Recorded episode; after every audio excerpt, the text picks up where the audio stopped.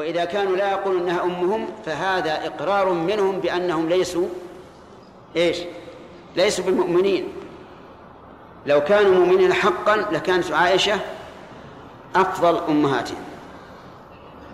فعلى كل حال الصحابة رضي الله عنهم خير الناس من هذه الأمة وغيرها من أتباع الرسل. أما الرسل والأنبياء فلا شك أنهم خير خير البشر. لكن أتباع الرسل أفضلهم أصحاب النبي صلى الله عليه وعلى آله وسلم. ربنا اغفر لنا ولإخواننا الذين سبقونا بالإيمان ولا تجعل في قلوبنا غلا للذين آمنوا. ربنا إنك رؤوف رحيم. نقل المؤلف رحمه الله تعالى في سياق الأحاديث في باب الشهادات. عن أبي بكرة رضي الله عنه عن النبي صلى الله عليه وسلم أنه عد شهادة الزور في أكبر الكبائر متفق عليه في حديث طويل. وعن ابن عباس رضي الله تعالى عنهما أن النبي صلى الله عليه وسلم قال لرجل ترى الشمس؟ قال نعم. قال على مثلها فاشهد أو دع أخرجه ابن عدي بإسناد ضعيف وصححه الحاكم فأخطأ.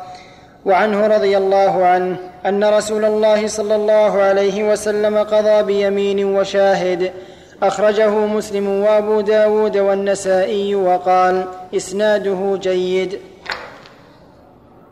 قال المؤلف رحمه الله تعالى فيما نقله في باب الشهادات فيما يتعلق بالشهادة.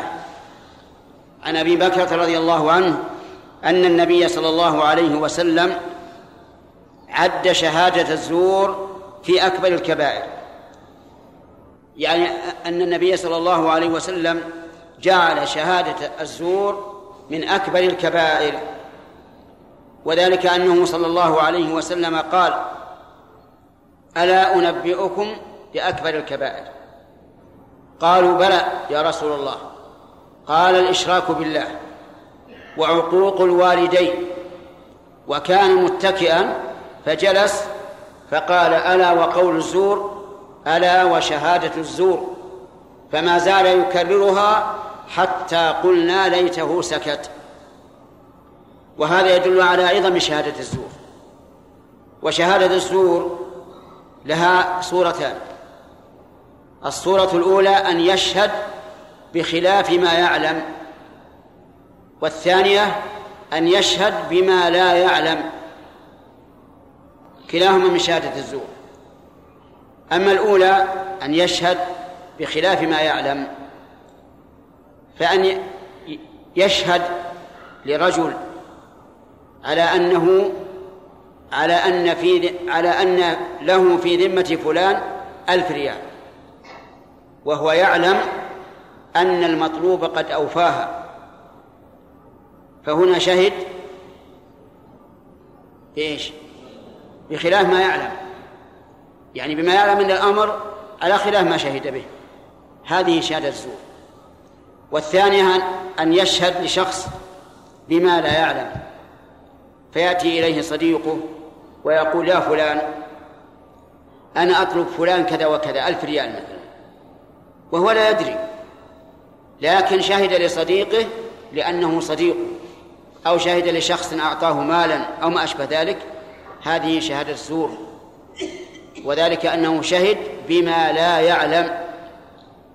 بقي قسم ثالث وهو أن يشهد بما يعلم. هذه شهادة حق. وفي هذا الحديث التحذير البليغ من شهادة الزور. وأن الإنسان لا يجوز أن يشهد إلا بشيء يعلمه علم اليقين. ولهذا عقبه المؤلف رحمه الله تعالى بالحديث الآخر أن النبي صلى الله عليه وسلم قال لرجل ترى الشمس؟ قال نعم. قال على مثلها فاشهد أو دع. يعني لا تشهد إلا على شيء تعلمه مثل ما تشوف الشمس وإلا فاترك. وعلى هذا فهل يجوز أن يشهد بغلبة الظن؟ الجواب لا. لا يجوز.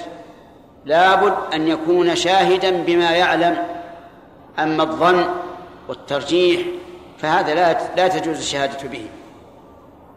ثم ذكر ثم ختم المؤلف رحمه الله باب الشهادات بما ثبت عن النبي صلى الله عليه وعلى آله وسلم أنه قضى بالشاهد مع اليمين. الشاهد مع اليمين يعني رجل ادعى على آخر قال إن في ذمتك لي ألف ريال. فأنكر. قال ما عندي لك شيء. فأتى بشاهد. أتى هذا المدعي بشاهد واحد رجل. وحلف معه. فيحكم له بذلك. يحكم له بذلك لأن النبي صلى الله عليه وسلم قضى بالشاهد واليمين. والنبي صلى الله عليه وسلم أعدل الخلق وأعلمهم بالحق. وقد ذكر العلماء رحمهم الله أن الشهادات أقسام. القسم الأول ما لا يقبل فيه إلا شهادة أربعة رجال عدول وهو الزنا واللواط والعياذ بالله. هذا لا يمكن أن يقبل فيه إلا أربعة رجال عدول. لقول الله تبارك وتعالى والذين يرمون المحصنات ثم لم يأتوا بأربعة شهداء فاجلدوهم ثمانين جلدة فلا يقبل في الزنا لو ادعي على شخص أنه زنى لا يقبل إلا أربعة شهود وكذلك اللواط. ومنها ما يشترط فيه ثلاث الشهود وذلك في الرجل يدعي أنه معسر وهو معروف بالغنى. كإنسان مثلا عنده مال كأن يتجر به وانكسر وتلف ماله فجاء يسأل من الزكاة أو الصدقات ما لا نعطيه حتى لو أتى بشاهد نعم لو أتى بشاهد لو أتى بشاهدين لو أتى بشاهدين لا يقبل إلا ثلاثة رجال ممن له به معرفة. قالوا نشهد أن فلان كان غني ولكن انكسر. فهنا تحل المسألة له وتحل الزكاة. لو جاب اثنين يشهدون بأن الرجل انكسر وتلف ماله أو أصابته نار أو أو جاءه شيء أتلف ماله فإننا لا نقبل إلا كم؟ ثلاثة. ثبت ذلك عن النبي صلى الله عليه وسلم في حديث قبيصة ابن مخارق في صحيح مسلم. لا بد من, شا... من ثلاث شهور. الثالث ما لا بد فيه من شهادة رجلين. اثنين لا تقبل فيه النساء وهي بقية الحدود كالشهادة بالسرقة الشهادة بالقذف الشهادة بقطع الطريق وغير ذلك. هذا لا لا بد فيه من رجلين. لو أتى بمئتي امرأة في في السرقة ما نقبلها نقبلها إلا بشاهدين. كل الحدود لا تقبل إلا بشهادة رجال اثنان ف... اثنين فأكثر. الرابع ما يكفي فيه شهادة رجلين أو رجل وامرأتين أو رجل ويمين المدعي هذه ثلاثة طرق.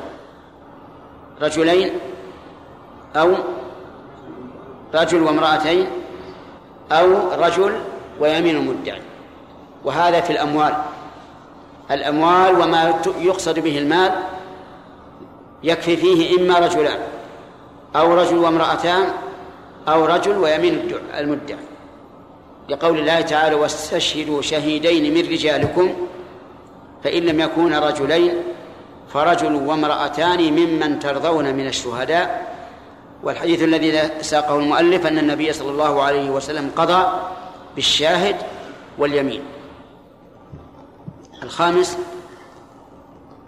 ما يكتفى فيه بشهادة واحد وهو ما لا يطلع عليه إلا النساء.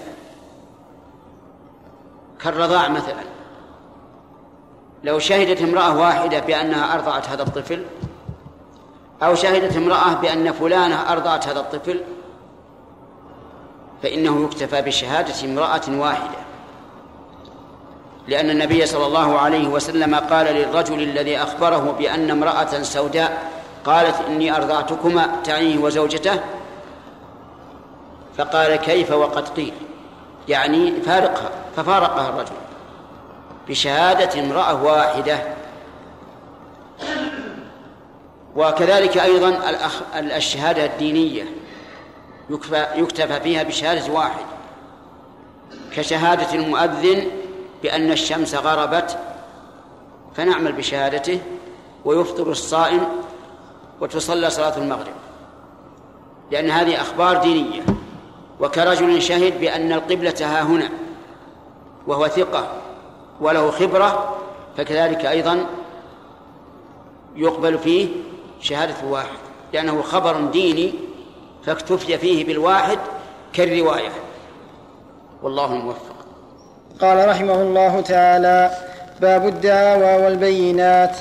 عن ابن عباس رضي الله عنهما أن النبي صلى الله عليه وسلم قال لو يعطى الناس بدعواهم لادعى ناس دماء رجال وأموالهم ولكن اليمين على المدعى عليه متفق عليه وللبيهقي بإسناد صحيح البينة على المدعي واليمين على من أنكر.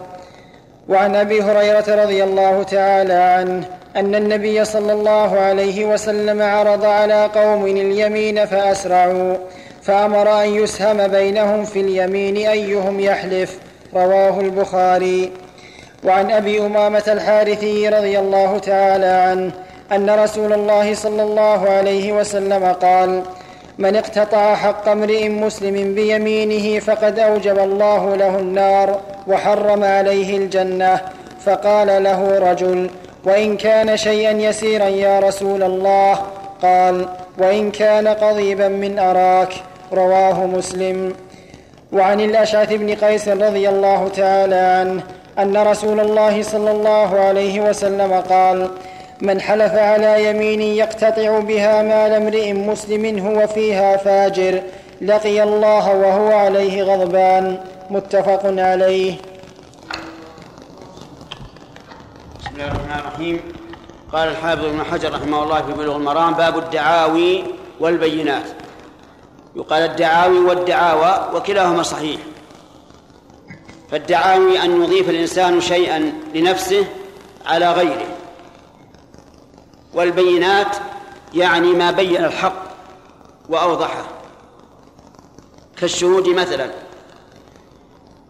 وليعلم أن الإنسان إذا إذا أضاف لنفسه شيئا على غيره فهو مدعي. وإن أضاف لغيره شيئا على نفسه فهو مقر. وإن أضاف شيئا لغيره على غيره فهو شاهد. أما البينات فتأتي إن شاء الله تعالى. ثم ذكر المؤلف حديث ابن عباس رضي الله عنهما أن النبي صلى الله عليه وسلم قال لو يعطى الناس بدعواهم لادعى رجال دماء قوم وأموالهم.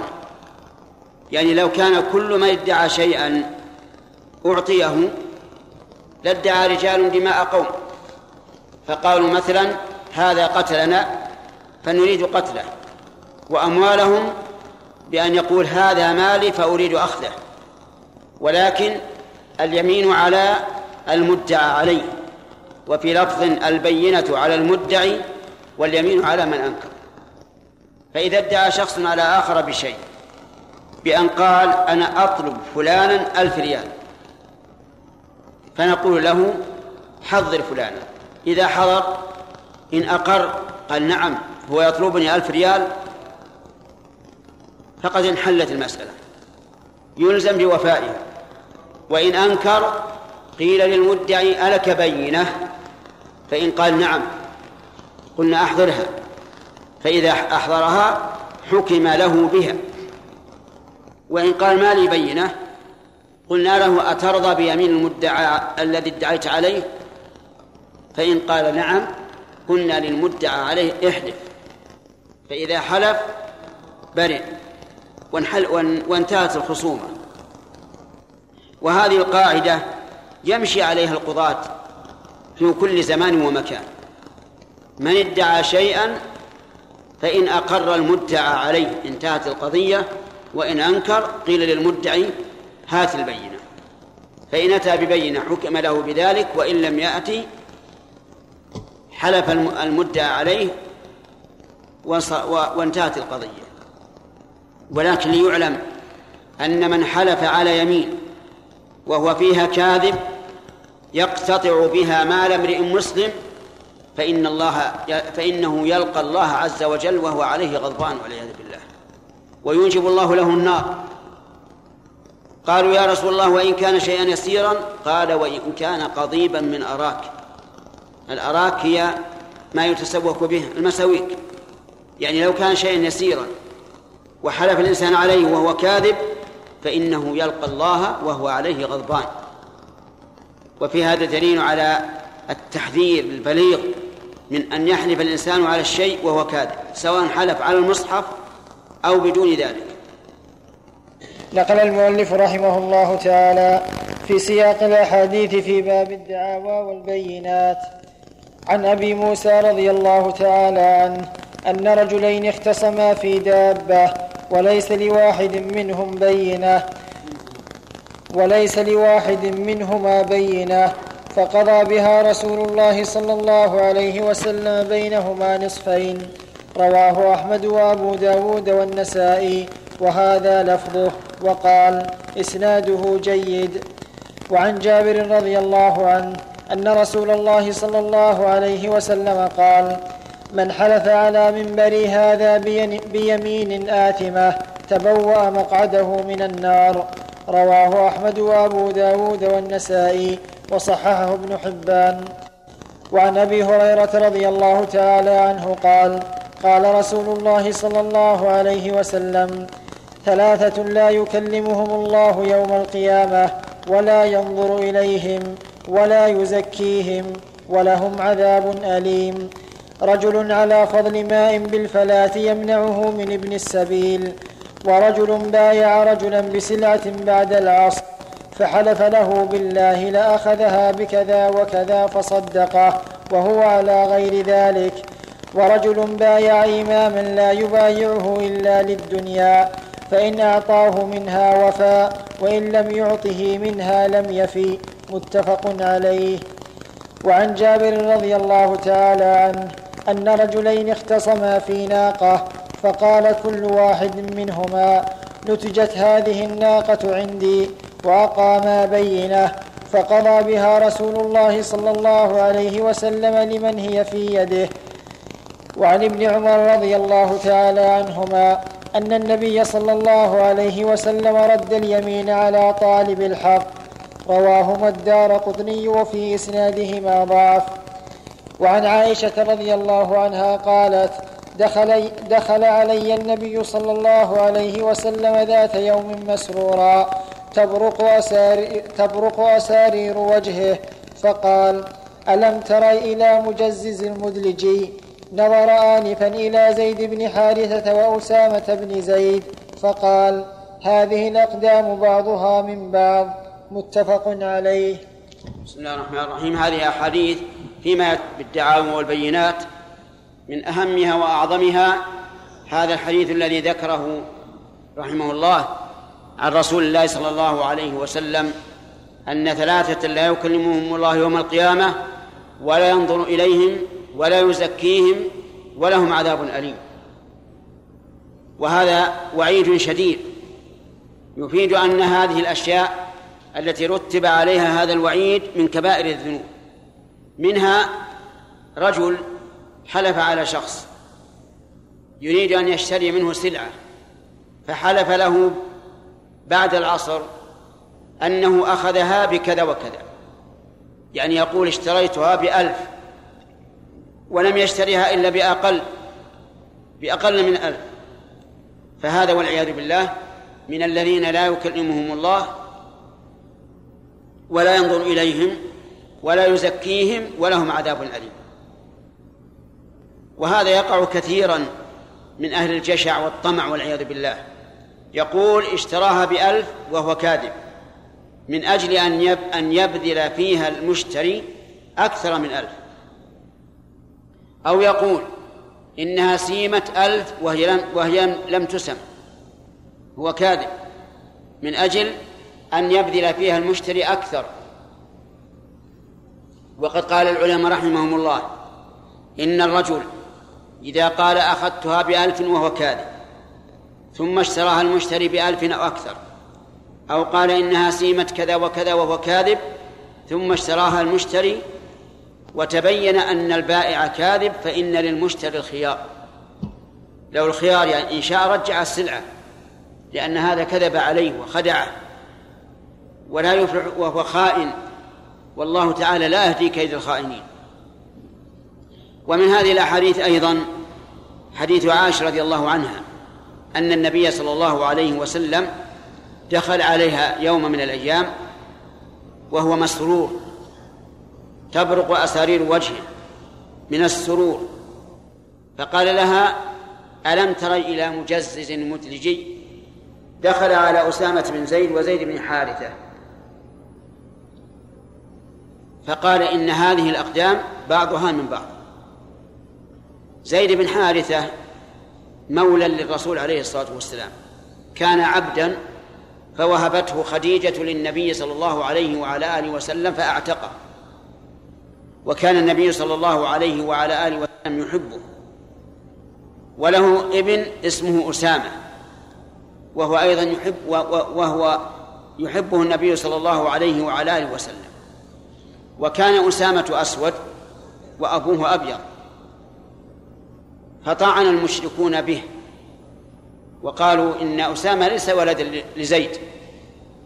لا لا يهمهم زيد وأسامة الذي يهمهم أن يغيظوا رسول الله صلى الله عليه وعلى آله وسلم ويدخلوا عليه الحزن لأنه مولاه وابن مولاه. في يوم من الأيام كان نائمين.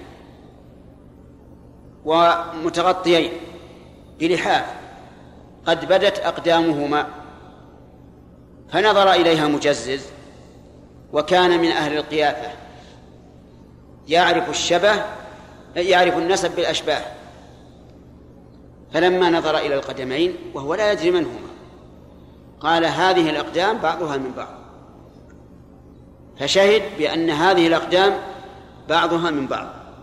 فسر النبي صلى الله عليه وسلم بذلك واعتبر شهادته شهادة صحيحة. وأخذ العلماء من هذا أنه إذا اشتبه النسب فإنه يعرض على القافة الذين يعرفون الأنساب بالشبه. فإذا ألحقته بأحد لحقه. وهذا وجه إدخال المؤلف هذا الحديث في باب الدعاوي والبينات. والله الموفق. قال رحمه الله تعالى كتاب الجامع باب الآد باب الأدب.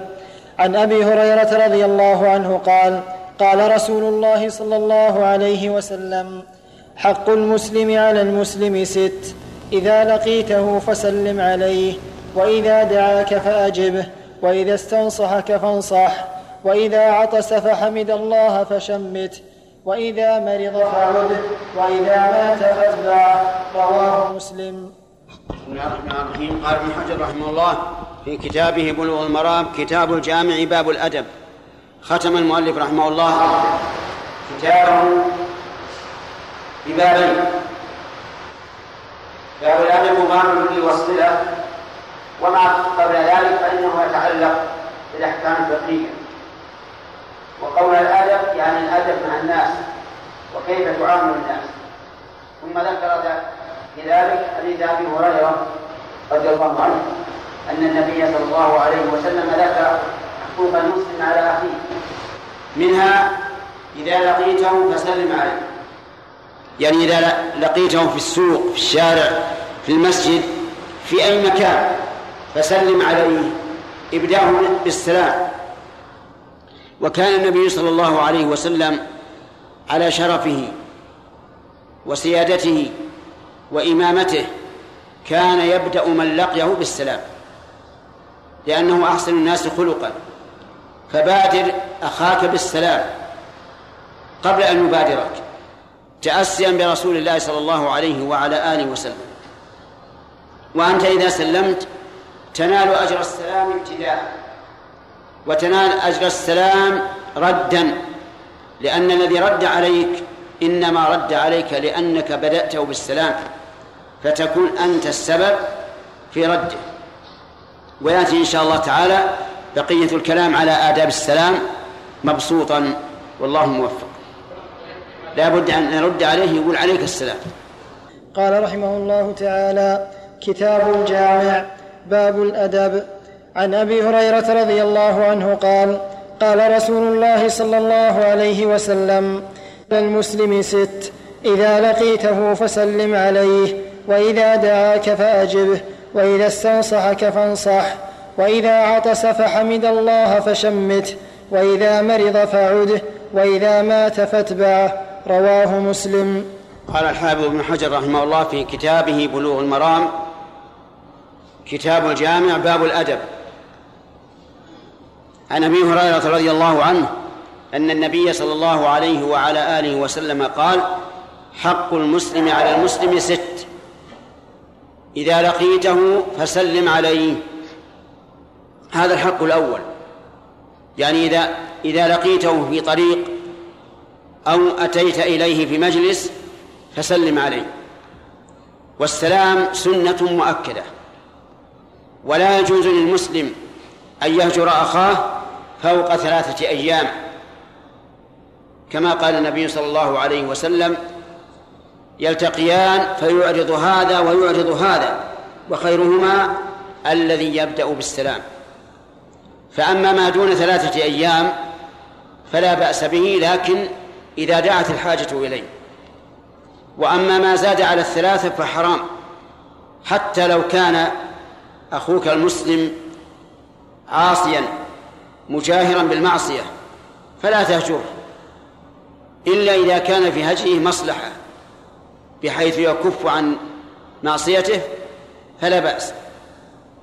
بعض الناس يهجر أخاه إذا رآه على معصية إذا رآه حلق لحيته هجره ولم يسلم عليه لأن حلق اللحية محرم والإصرار عليه يجعله كبيرة من كبائر الذنوب.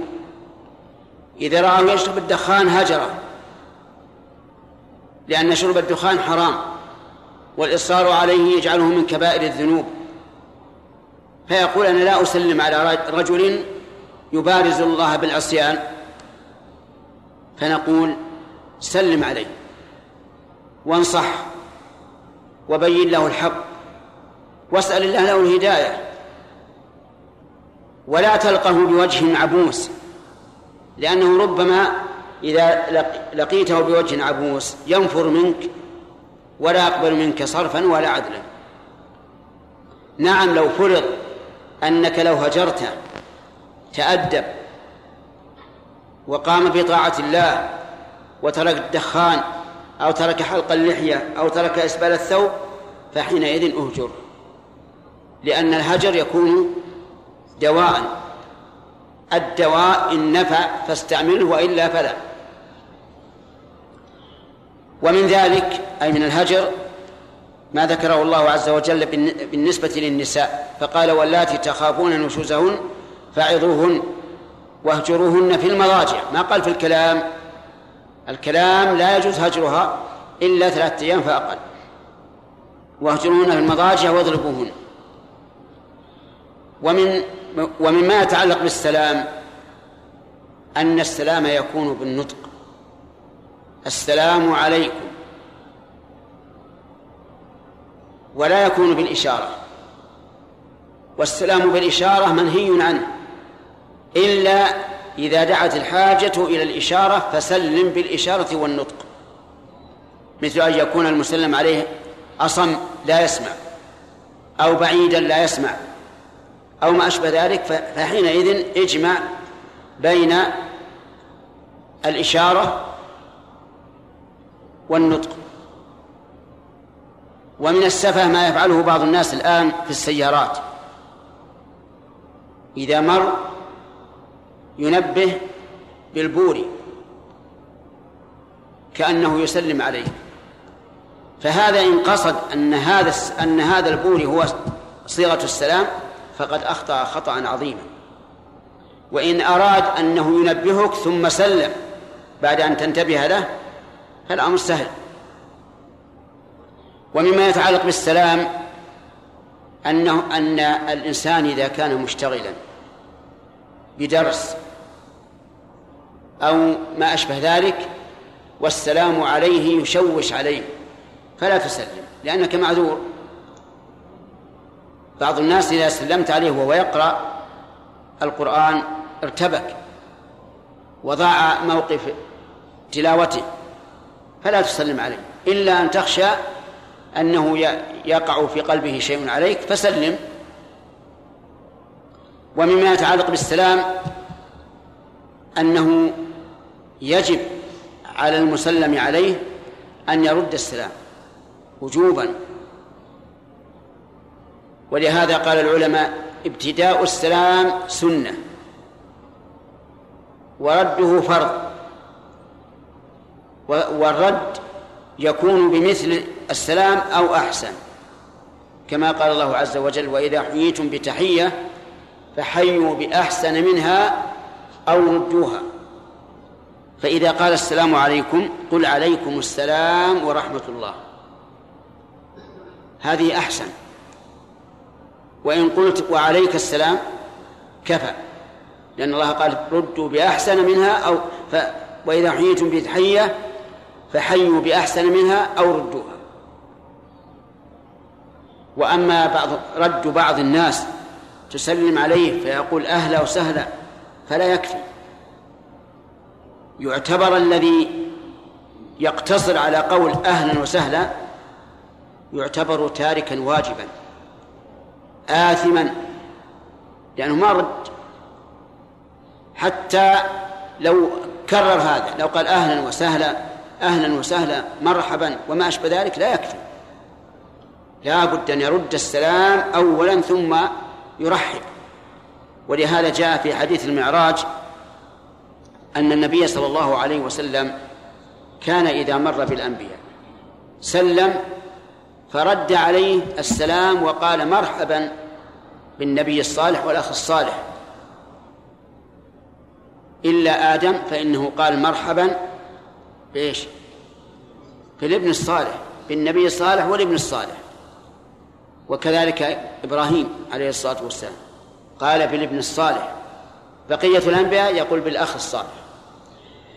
فالحاصل أن اقتصار المجيب للسلام على قول أهلا ومرحبا ومسهلا لا يكفي.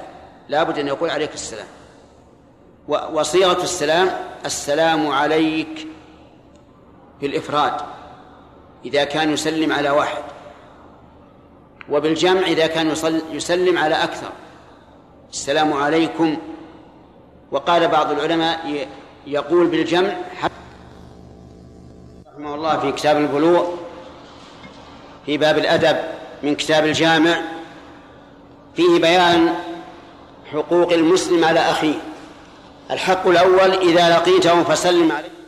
الثاني إذا دعاك فأجب. يعني إذا دعاك إلى وليمة إلى قهوة إلى غداء إلى عشاء أو ما أشبه ذلك فأجبه. قال العلماء والإجابة إلى الدعوة سنة مؤكدة. وتجب في وليمة العرس في أول مرة إذا عينه ولم يكن ثم منكر. فإذا دعاك الزوج إلى وليمة العرس أول يوم وجبت عليك الإجابة. إذا عينك بأن كتب إليك كتابا أو أتى إليك في بيتك أو أوصى إليك أحدا أن تحضر وجب عليك. لكن بشرط أن لا يكون في الوليمة منكر. فإن كان فيها منكر كالعزف والموسيقى وآلات اللهو وما أشبه ذلك مما حرمه الله ورسوله فإنه لا يجوز لك أن تجيب.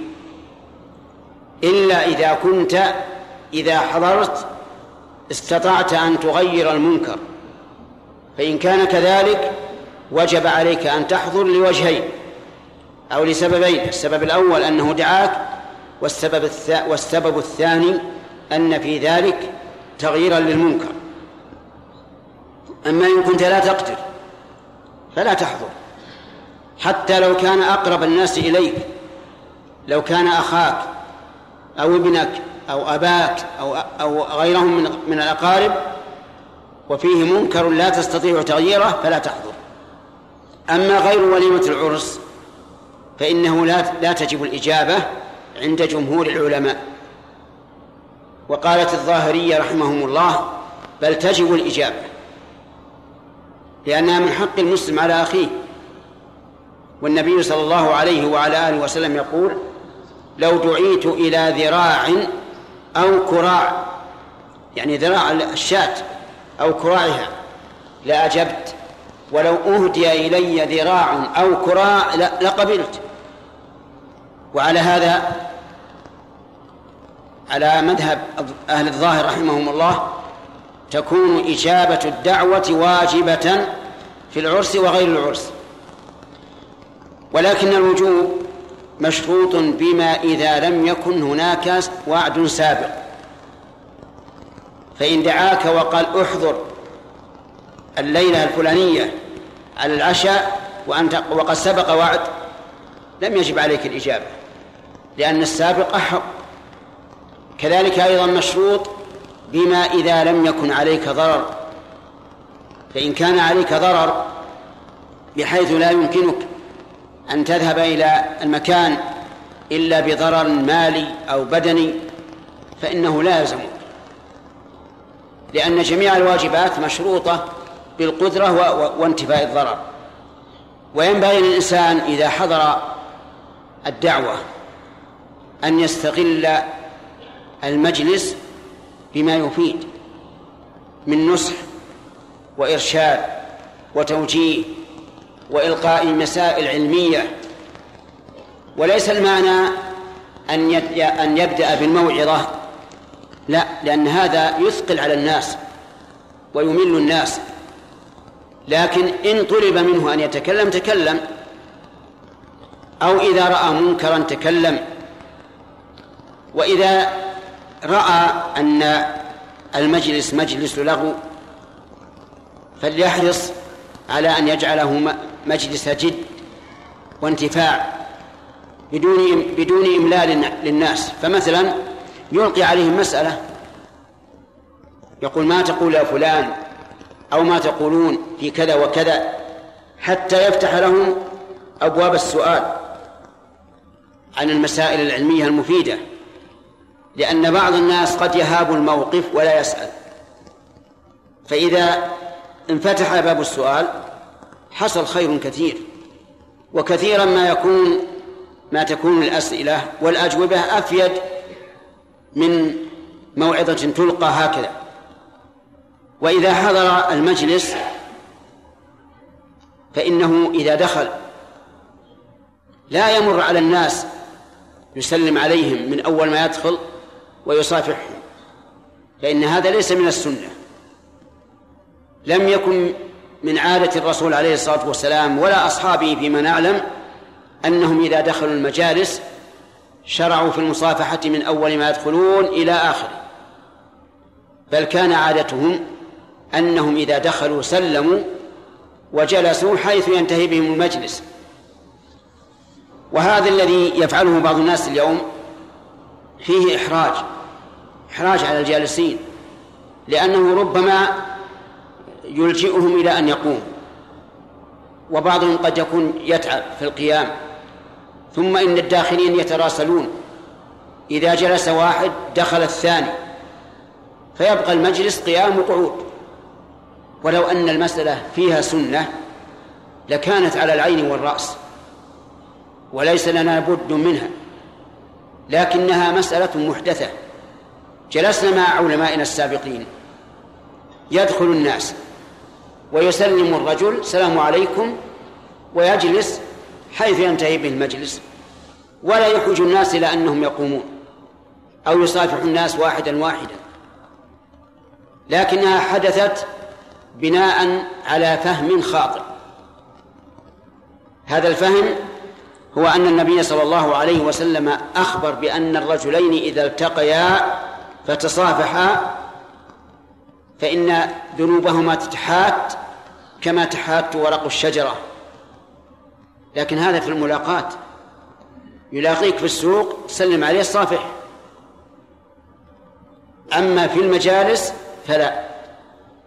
لكن لو قال قائل إذا كان في المجلس رجل له قيمته إما عالم كبير أو أمير أو وزير أو شيخ كبير له حرمة هل أعمد إليه وأصافحه وأقبل رأسه؟ نقول نعم هذا لا بأس. احتراما لهذا الشخص المعين. لكن كونك تبدأ تمر بهم واحدا واحدا هذا ليس من السنة. ومن زعم أنه من السنة فليأتنا بدليل. فإنا له منقادون وله متبعون إن شاء الله. أما شيء لم يفعله الرسول ولا الصحابة.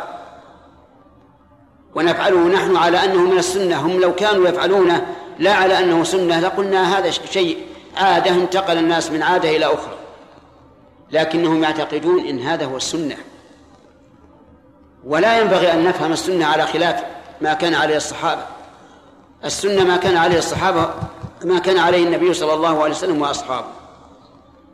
كذلك أيضا عندما يقدم الشاهي مثلا يأتي الصاب. من أين يبدأ؟ يبدأ من آخر واحد من عند الباب لأنه اليمين ولو كان أصغر القوم.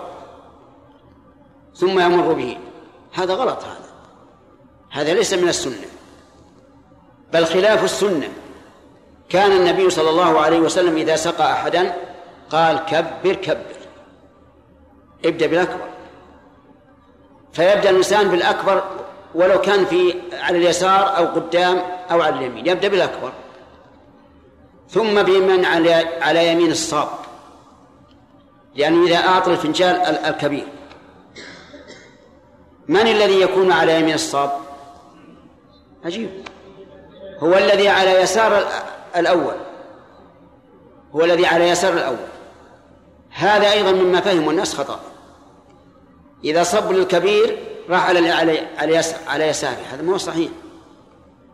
ابدأ بالأيمن. من الأيمن على على بالنسبة للصاب؟ الذي على يسار الأول.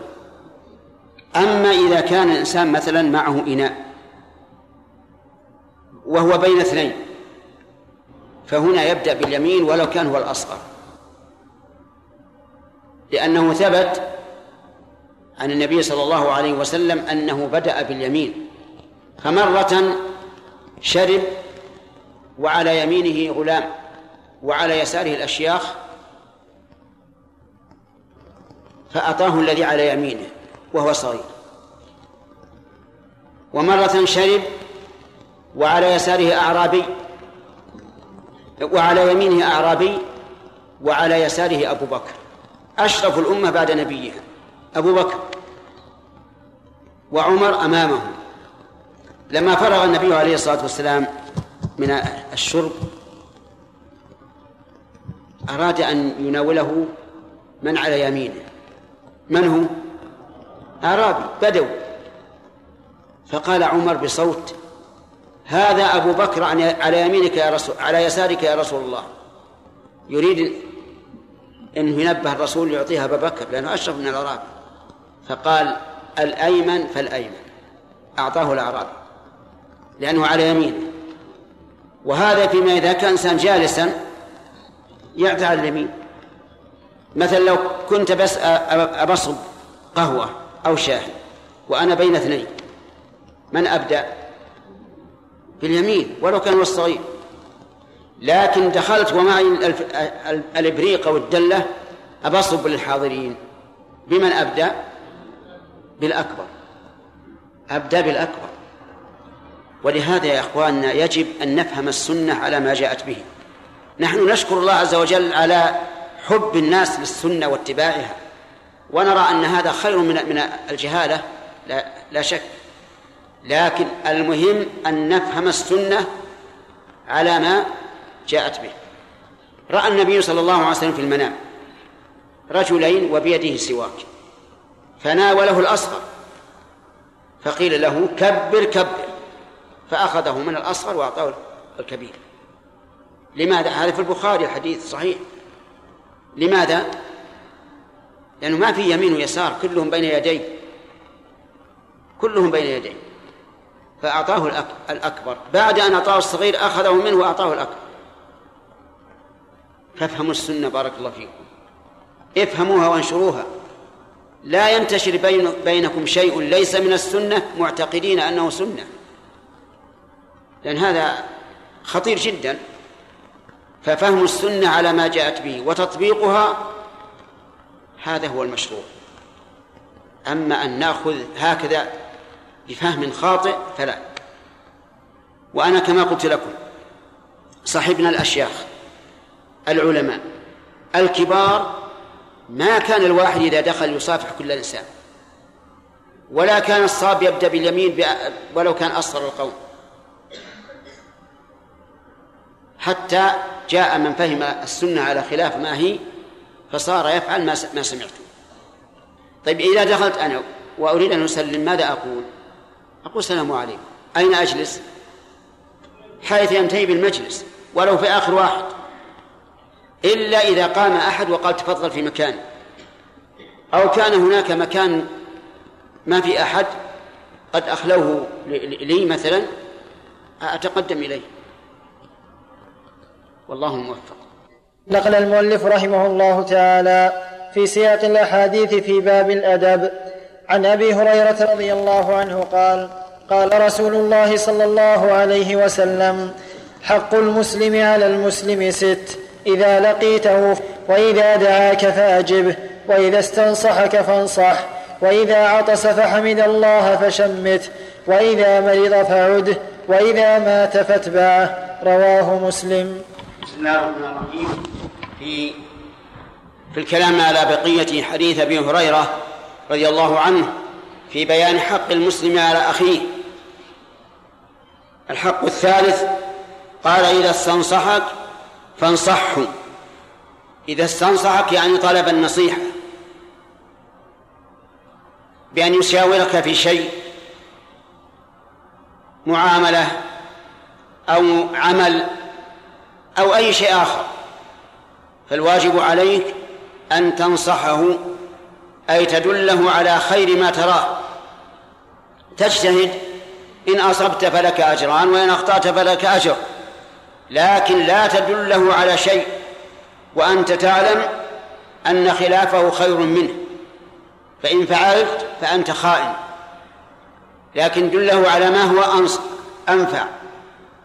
والنصيحة هي الدين. قال النبي صلى الله عليه وعلى آله وسلم الدين النصيحة الدين النصيحة الدين النصيحة. ثلاث مرات. قالوا لمن يا رسول الله؟ قال لله ولكتابه ولرسوله ولأئمة المسلمين وعامتهم خمسة. وقوله إذا استنصحك فانصح الاستنصاح ثلاثة أقسام. قسم يصرح يأتي إليك في بيتك في المسجد فيشاورك. يقول مثلا إن فلان خطب بنتي. فماذا ترى فيه؟ الواجب أن تخبره. النصيحة حتى لو كان الخاطب أباك أو ابنك أو أخاك أو عمك. أخبر بالنصيحة. كذلك كذلك آخر جاء يشاورك يستنصحك. ما تقول في بنت فلان؟ هل أخطبها أو لا؟ يجب أن تخبر بالحق بالنصيحة. ولا تكتم شيئا. لا تقول هذا قريب أو هذه قريبة أو ما أشبه ذلك. وهذا واضح. جاء إنسان يشاورك يقول ما ترى؟ هل أبيع بيتي؟ لأنه سيم سومة رفيعة عالية. يجب أن تنصحه.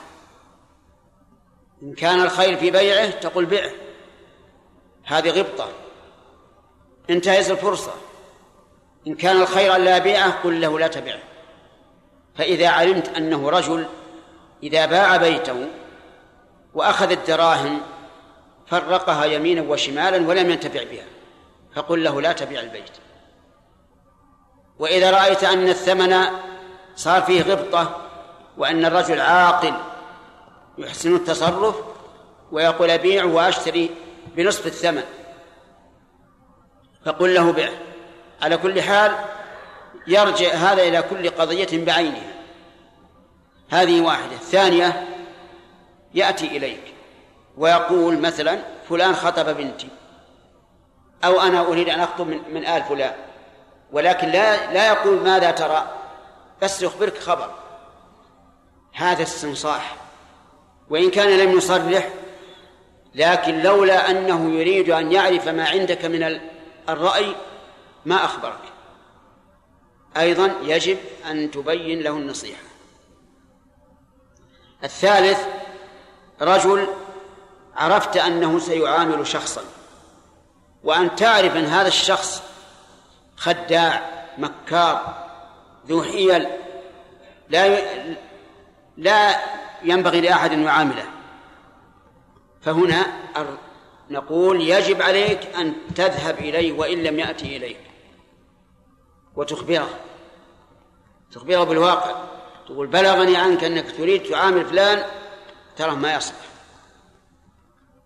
أو إنسان أراد أن يخطب من قوم وأن تعرف حال هؤلاء القوم. أنهم فسقة. وأنهم لم يربوا أبناءهم ولا بناتهم على الخير. وهذا الذي سمعت أنه يخطب منهم رجل مستقيم وحبيب فهنا يجب عليك أن تذهب إليه وتخبره. أو كنت تعلم عن عيب في الأنثى التي يريد أن يخطب أيضا تعلم فهذه ثلاثة أقسام. الأول استنصحك صراحة والثاني استنصحك تعريضا والثالث من حق المسلم على أخيه إذا علم أنه سيقع في شيء يضره أن يخبره لقول النبي صلى الله عليه وعلى آله وسلم لا يؤمن أحدكم حتى يحب لأخيه ما يحب لنفسه. والله موفق. في سياق الأحاديث في باب الأدب عن أبي هريرة رضي الله عنه قال قال رسول الله صلى الله عليه وسلم حق المسلم على المسلم ست. إذا لقيته فسلم عليه وإذا دعاك فاجبه وإذا استنصحك فانصح وإذا عطس فحمد الله فشمته وإذا مرض فعده وإذا مات فاتبعه رواه مسلم. في بقية حديث أبي هريرة رضي الله عنه في حقوق المسلم على أخيه قال إذا عطس فحمد الله فشمته العطاس نعمة من الله عز وجل وهو عبارة عن هواء وريح يتخلل البدن إلى الدماغ ثم يخرج من الأنف. ولو بقي في الجسد مع وجود أسبابه لأضر بالجسد. ولكن الله سبحانه وتعالى جعل له منافذ يخرج منها حتى يسلم الدماغ من غوائل هذا الهواء. فإذا عطس الإنسان فإنه يجد خفة من العطاس ونشاطا فهو نعمة من الله عز وجل. فشرع للإنسان إذا عطس أن يحمد الله. يقول الحمد لله لأن هذه نعمة نعمة عظيمة. لو احتبست في الإنسان لأضرته فإذا قال الحمد لله قال له صاحبه الذي يسمعه يرحمك الله. وانظر إلى هذه النعمة لما كانت نعمة ليست دائمة كان مشروعا لنا إذا سمعنا أحدا يحمد الله عليها أن نقول يرحمك الله. لكن في الأكل الأكل إذا قال الآكل بعد انتهائه الحمد لله ما نقول له يرحمك الله لأن ذلك لم يرد.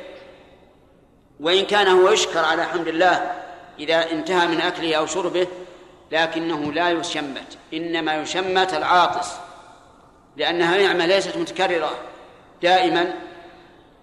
فيقول صاحبه يرحمك الله فيقول له يهديكم الله ويصلح بالكم. يهديكم يعني يدلكم على الخير ويوفقكم له ويصلح بالكم يعني يصلح حالكم.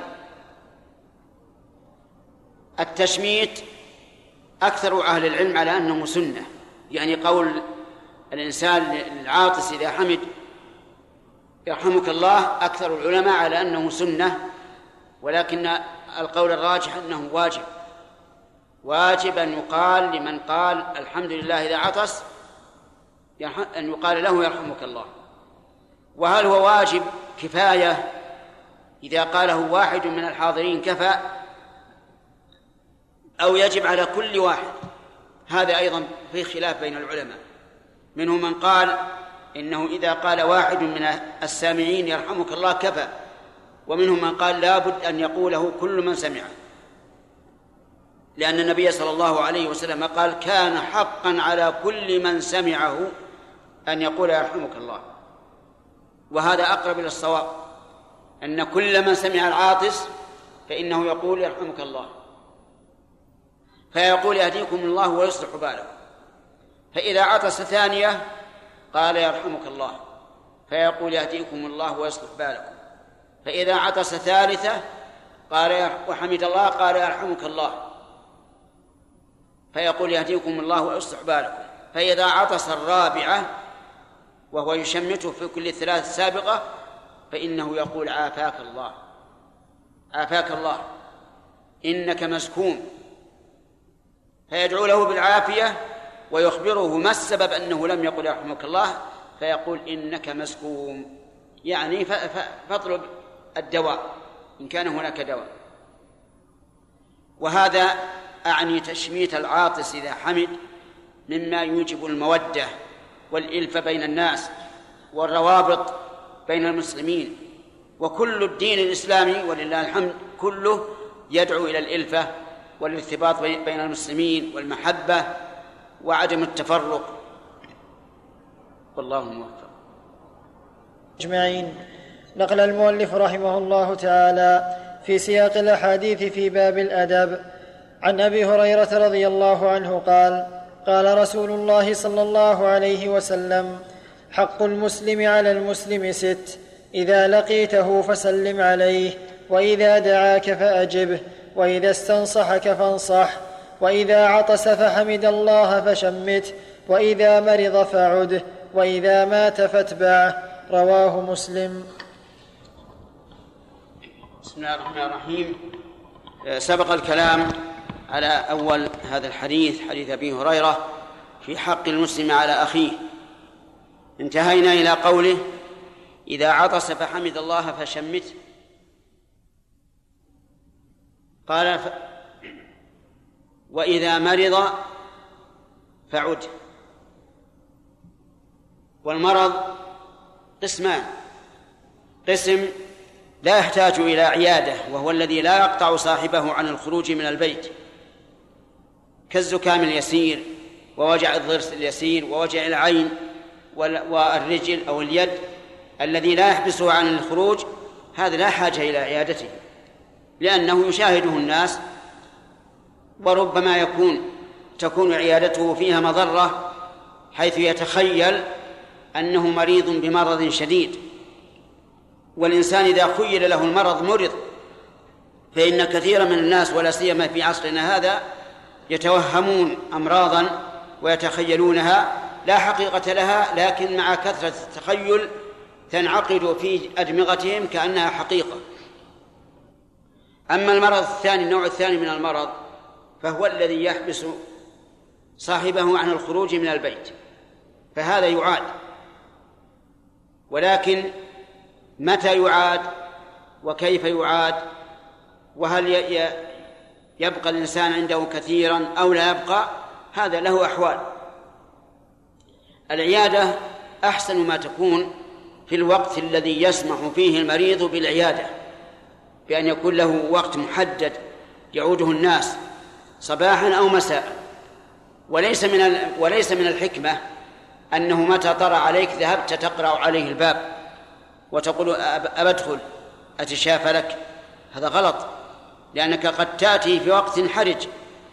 لكن إذا كان قد عين وقتا معينا بعد العصر بعد المغرب بعد الفجر فعد.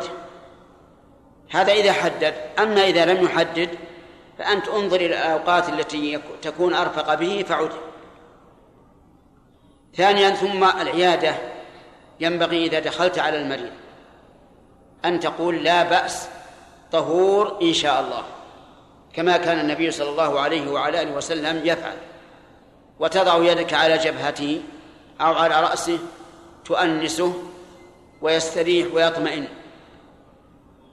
وقل له مثلا أنت في خير أنت في عافية وما أشبه ذلك تنفس له في أجله. لا تقول والله اليوم أنت اليوم أشد, أشد من أمس. وكل ما جيت قلت اليوم أشد من أمس. هذه يدخل عليه الموت. لكن افسح له في في أجله. وقل أنت الآن بخير. والحمد لله حتى وإن كنت لم ترى منه شفاء. هو في خير. المؤمن في خير على كل حال. كذلك لا تكثر عليه الكلام. إلا إذا رأيت أنه يتطلب ذلك ويفرح به. وإلا لا تكثر عليه الكلام لأن حالة المريض ضيق النفس ضيق الصدر. لا يحب أن يكثر الإنسان عليه من الكلام ما لم تعرف أنه منبسط إليك وأنه يحب أن تحدثه. أيضا لا تطيل المقام عنده. إلا إذا رأيت أنه يحب أن تبقى عنده وإلا فيكفي أن تقول كيف حالك؟ ما وأنت اليوم طيب ولا بأس طهور إن شاء الله وما, وما أشبه ذلك ثم تقوم. فإذا أردت أن تقوم ورأيت أنه يحب أن تبقى عنده ابقى عنده. طيب خاطره لأن هذا إحسان إليه والله تعالى يحب المحسنين. أيضا إذا عدت وكنت طالب علم اسأله قل كيف تصلي؟ كيف تتوضأ؟ لأنه ربما يترك شيئا واجبا عليه وهو لا يدري. وربما يفعل شيئا لا يجوز. عاد أحد الناس مريضا. وقال له كيف أنت؟ كيف حالك؟ كيف صلاتك؟ قال والله الحمد لله على كل حال. أنا لي خمسة عشر يوم أجمع وأقصر. أجمع وأقصر. الجمع يجوز. إذا كان أرفق بالمريض نقول اجمع. لكن القصر لا يجوز لأنه في بلده. أما نعم لو كان في غير بلده مثل أن ذهب إلى مستشفى في بلد آخر يعالج فيه فله القصر والجمع. أما في بلده فلا. فمثل هذه قد تخفى على بعض الناس لأن بعض الناس يظن أنه متى جاز الجمع متى جاز الجمع جاز القصر. وهذا غلط مو صحيح. لا تلازم بينهما. كذلك إذا عدت فقل له الحمد لله على كل حال. أنت الآن متفرغ تستطيع أن تكثر من القرآن من الذكر والتسبيح والتهليل حتى ينتبه ويستيقظ ويكثر من هذه الأعمال. وربما يختم له بخير وتكون أنت السبب. ذكره هذا الشيء. كذلك إذا عدته وكنت تعرف أن الرجل له معاملة مع الناس أخذ وإعطاء قرض واستقراض استئجار وتأجير وما أشبه ذلك تقول له يا فلان عساك حافظ نفسك مقيد كل شيء. اللي لك واللي عليك؟ لأن هذا أضبط ولا تقول لأني أخشى أن تموت يصير مشاكل. لأن هذا أضبط. تذكره هذا هذا الشيء. لأنه ربما مع المرض ينسى أو يتهاون فإذا ذكرته فتحت عليه باب خير. وإذا كنت إنسانا معروف الخط موثوقا بخطك قل له إذا تحب أني أكتب لك ما ترى أنه لا بد من ذكره فأنا على أتم استعداد. وما أشبه ذلك. دخل عليه السرور. فإذا قال قائل إذا كان الرجل المريض فاسقا معروفا بالفجور يحلق اللحية ويشرب الدخان ويشرب الخمر ويزني ويلوط هل يعاد؟ الجواب نعم يعاد. هذا ربما يكون أحق بالعيادة ممن هو مستقيم. لأن هذا المسكين مريض مرضين مرض جسمي ومرض قلبي. عده وأوصه وخوف من الله. وقل يا فلان ما تدري ربما يفجأك الموت وأنت لم تتب إلى الله. وتذكر التوبة فلعله يتوب. لا تقول هذا ما في خير هذا فاسق هذا طيب هو فاسق لكنه ما دامت الروح ما خرجت كل شيء ممكن. طيب فإن كان كافرا تعرف أنه كافر. إما يهودي أو نصراني أو بوذي أو أي إنسان ليس على دين. تعوده أو لا هذا في التفصيل. إن كنت ترجو إسلامه فعد واعرض عليه الإسلام. وإن كنت لا ترجو إسلامه فلا تعد. لأن النبي صلى الله عليه وسلم عاد غلاما يهوديا شاب يهودي. في المدينة المدينة كان فيها يهود حين موت الرسول عليه الصلاة والسلام وحين حياته. عاده وعرض عليه الإسلام. قال له أسلم. قل لا إله إلا الله محمد رسول الله. وكان هذا الغلام في سياق الموت يعني في آخر حياته. فنظر إلى أبيه أبيه أبوه يهودي. نظر إلى أبيه يعني كأنه يستشيره. فقال له أبوه أطع أبا القاسم. أطع أبا القاسم. يهودي ويقول لابنه اسلم وهو ذاك الساعة ما أسلم عاد ما ندري أسلم بعد أو لا. المهم أنه قال أطع أبا القاسم. فشهد شهادة الحق. شهد شهادة الحق. فقال النبي صلى الله عليه وسلم وهو خارج الحمد لله الذي أنقذه من النار. فحمد النبي صلى الله عليه وسلم ربه أن أنقذ هذا اليهود من النار بسبب تذكيره إياه. وهذا هو النصح الحقيقي لبني الإنسان. كثير من إخوتنا الدعاة إذا رأى الفسقة يدعو عليهم والعياذ بالله. وإذا نصحهم كأنما ينتقد عليهم وهذا لا شك أنه غلط.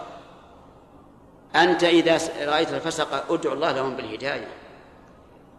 وإذا نصحتهم اقصد بذلك إنقاذهم مما هم عليه.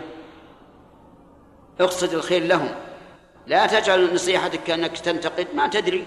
ربما يزيغ الله قلبك والعياذ بالله وتصير مثله أو أخبث منه.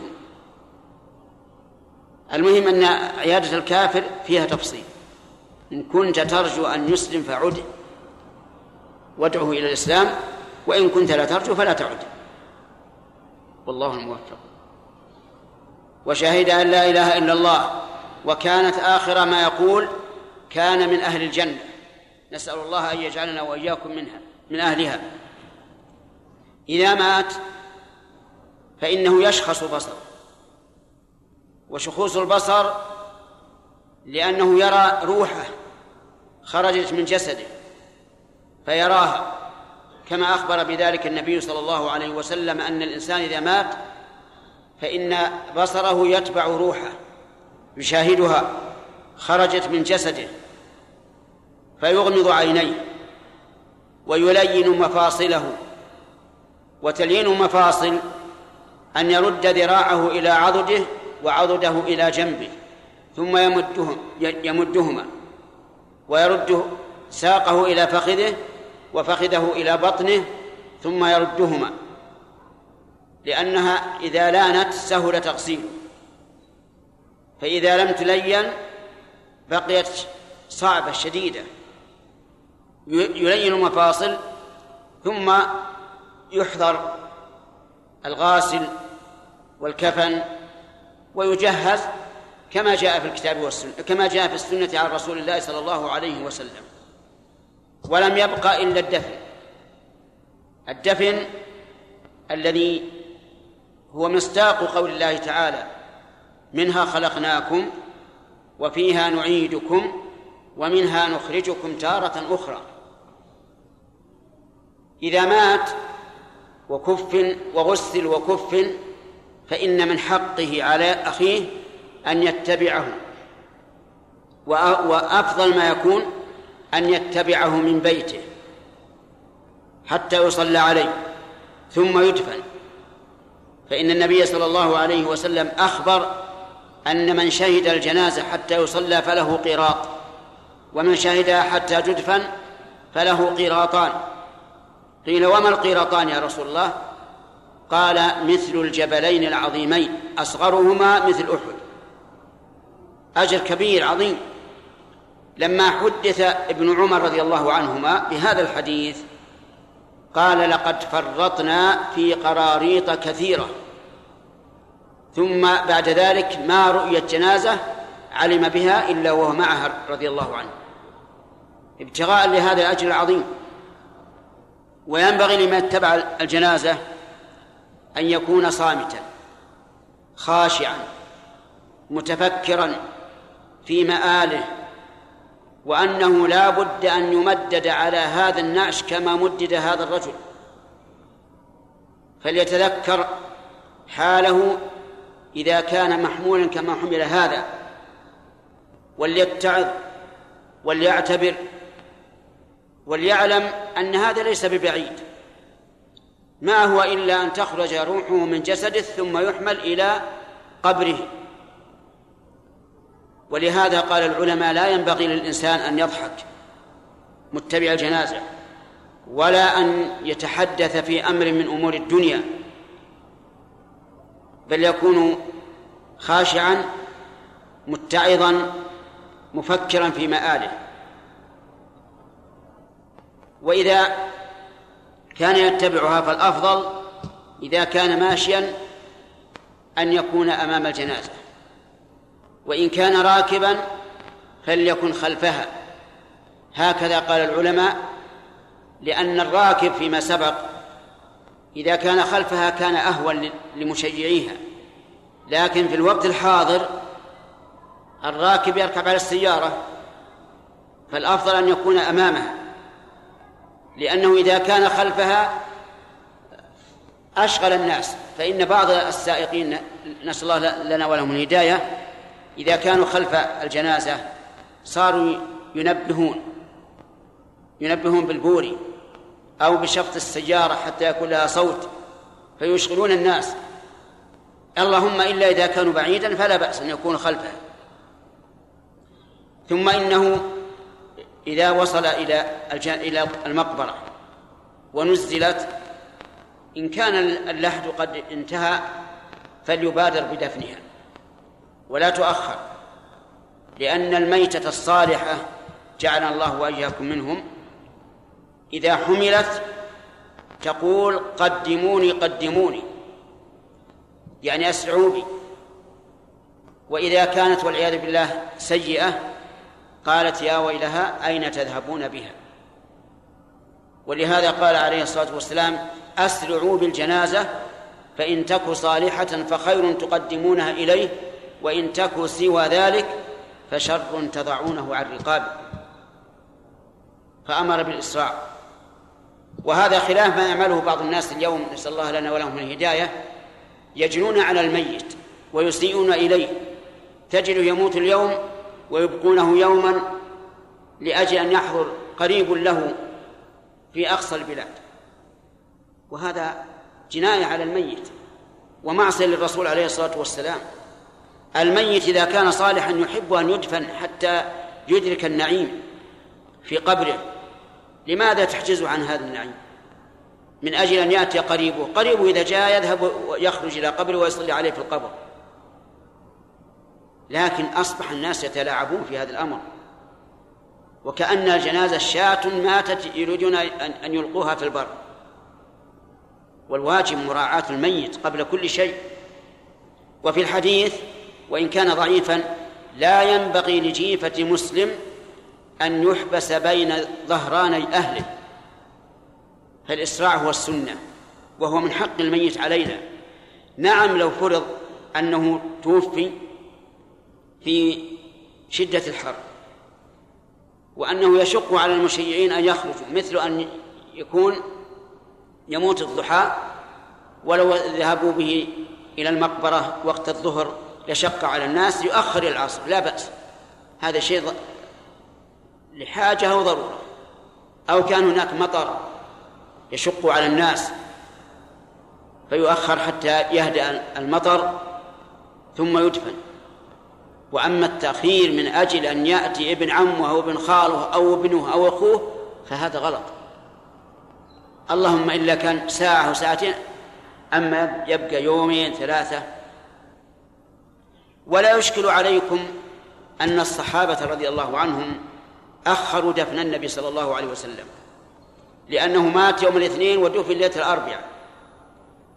هذا لا يشكل لأن الصحابة رضي الله عنهم أحبوا أن لا يدفن قائدهم صلى الله عليه وعلى آله وسلم إلا بعد وجود خليفة له وأمر الخلافة تأخر. لما بويع لأبي بكر بالخلافة رضي الله عنه دفنوا حتى لا تبقى الأرض خالية من إمام فلا حجة فيه للتأخير. ثم إن الإنسان إذا دفن الميت إذا دفن الميت ينبغي أن يقف على القبر تجاه وجه الميت. ويقول اللهم اغفر له اللهم اغفر له اللهم اغفر له اللهم ثبت اللهم ثبت اللهم ثبت. لأن النبي صلى الله عليه وسلم كان إذا دفن الميت وقف عليه وقال استغفروا لأخيكم واسألوا له التثبيت فإنه الآن يسأل.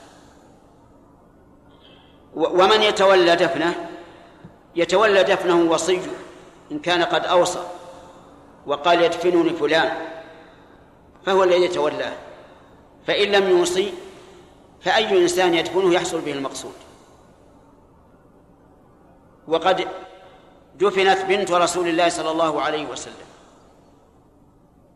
وعندها أبوها وزوجها عثمان. فقال النبي صلى الله عليه وسلم أيكم لم يقارف الليلة؟ قال أبو طلحة أنا يا رسول الله. قال انزل في قبره فنزل أبو طلحة وتولى دفن المرأة وهو ليس محرما لها. لأنه لا يشترط أن يكون محرما. وإذا انتهى من دفن الميت والدعاء له انصرف. ولا حاجة أن يبقى. وليس من السنة أن يبقى. ولا حاجة أن يبقى. وليس من السنة أن يبقى. هذا إذا إذا وصل إلى مك إلى المقبرة وقد ولم وقد تأهب الناس في حفر اللحد. أما إذا كانوا لم يتأهبوا فإنهم يجلسون حتى يتم تجهيز اللحد. وفي هذه الحال يجلسون خاشعين. لا يتحدثون في أمر الدنيا ولا يضحكون لأن المقام مقام هيبة وعظمة. وإذا حصل أن أحدا يذكرهم وهم جلوس كتذكيرنا هذا بدون أن يقوم ويخطب فهذا حسن لأن النبي صلى الله عليه وسلم فعل ذلك حين انتهى إلى القبر ولما يلحد جلس وحوله أصحابه وجعل يحدثهم عن حال الإنسان عند الموت وبعد الموت. وأما أن يقوم خطيبا في الناس فهذا لم يكن معروفا في عهد الرسول عليه الصلاة والسلام ولا عهد الصحابة رضي الله عنهم فليس من المشروع. ومواضع الخطب المنابر والمساجد لا المقابر. لكن كما قلنا إذا وصل إلى المقبرة واللحد لم يكمل وجلس وجلس أصحابه فحسن أن يذكرهم بحال الإنسان عند الموت وما وما يؤول إليه. أما التعزية بالميت ففيها أجر عظيم. إذا رأيت الإنسان قد أصيب وحزن تكدر فذكره قل له يا أخي هذا لله عز وجل. أنت والميت لله ولله تعالى ما أخذ وله ما أعطى. وكل شيء عنده بأجل مسمى. وهذه حال الدنيا. وذكره بما يلين قلبه. وأما ما يفعله الناس اليوم من المصافحة والتقبيل فلا أصل له. هل جاء من سفر حتى تصافحه وتقبله؟ ربما كنت رأيته عدة مرات قبل أن يدفن الميت. فمن أين جاءنا هذا؟ لا أصل له. ولا وجه للتقبيل ولا وجه للمصافحة. اللهم إلا إذا كنت لم تلاقه من قبل ولاقيته فصافح. وأما التقبيل فلا وجه له. ولهذا ينبغي لطلبة العلم أن ينبهوا الناس على هذا الشيء لأن الناس إذا تركوا تطورت المسألة. وربما يحصل شيء ظاهر التحريم.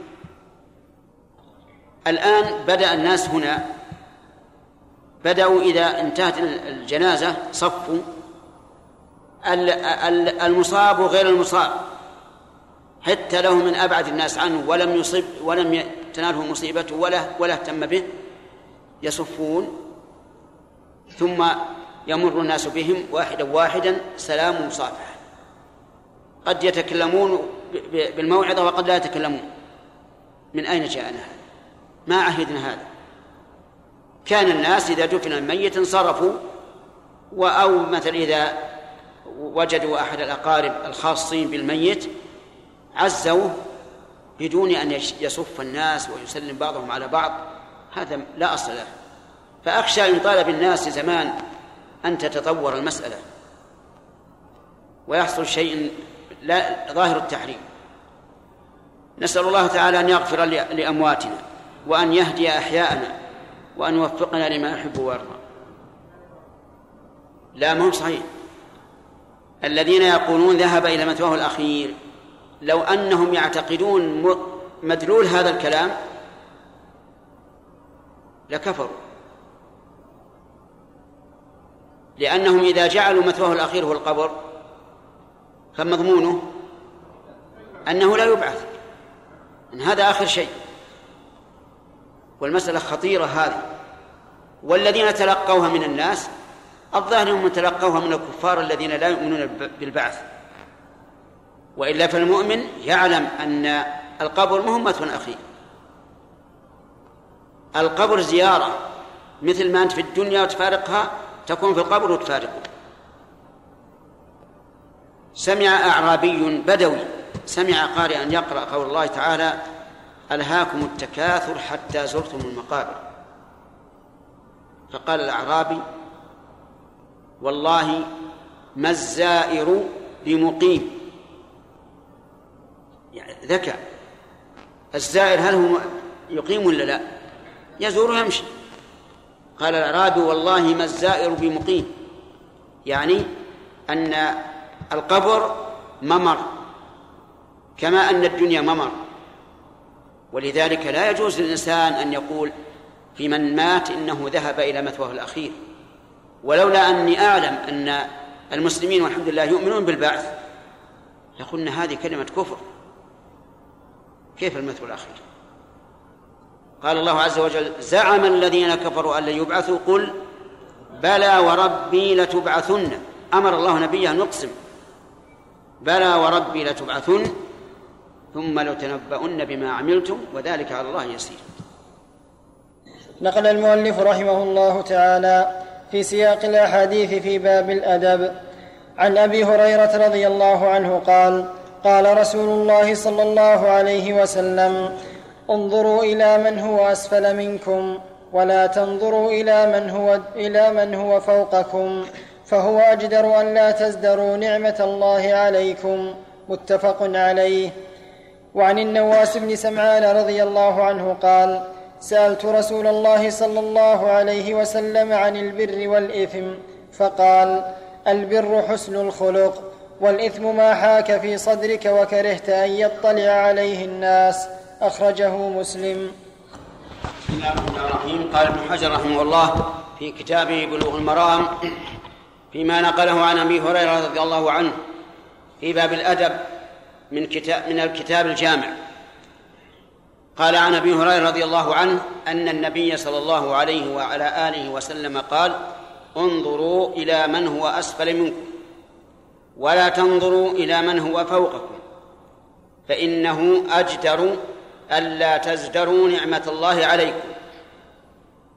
هذا من الآداب الشرعية التي فيها راحة العبد وطمأنينته وقناعته فإن الله سبحانه وتعالى خلق مقادير كل شيء وقدر كل شيء قبل أن يخلق السماوات والأرض بخمسين ألف سنة.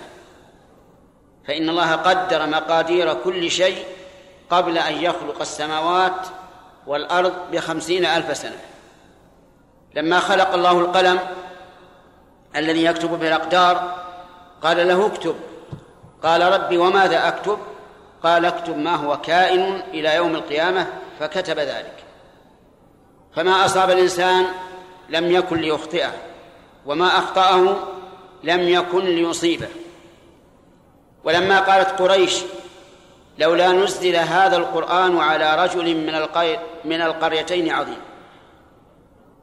يعني ولم ينزل على محمد. وهم يقولون هذا بألسنتهم.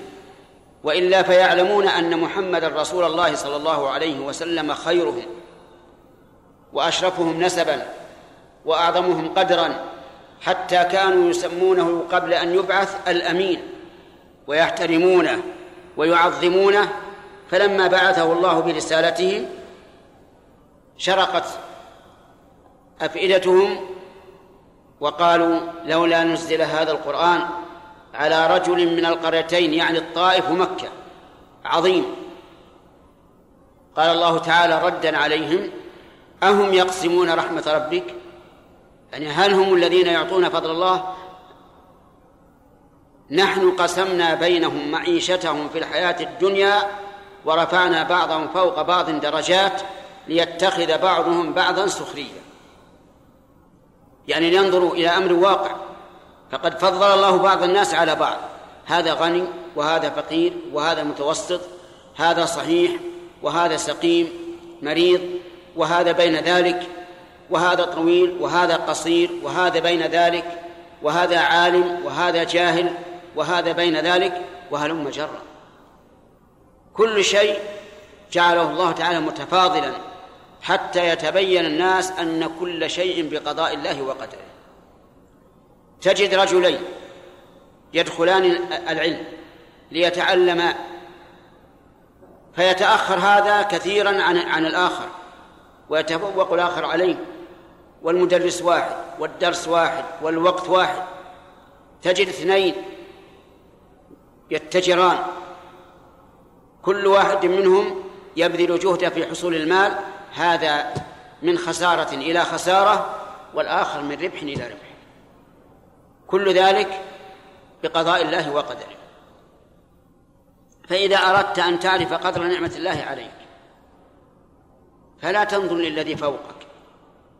إن نظرت للذي فوقك احتقرت نعمة الله عليك.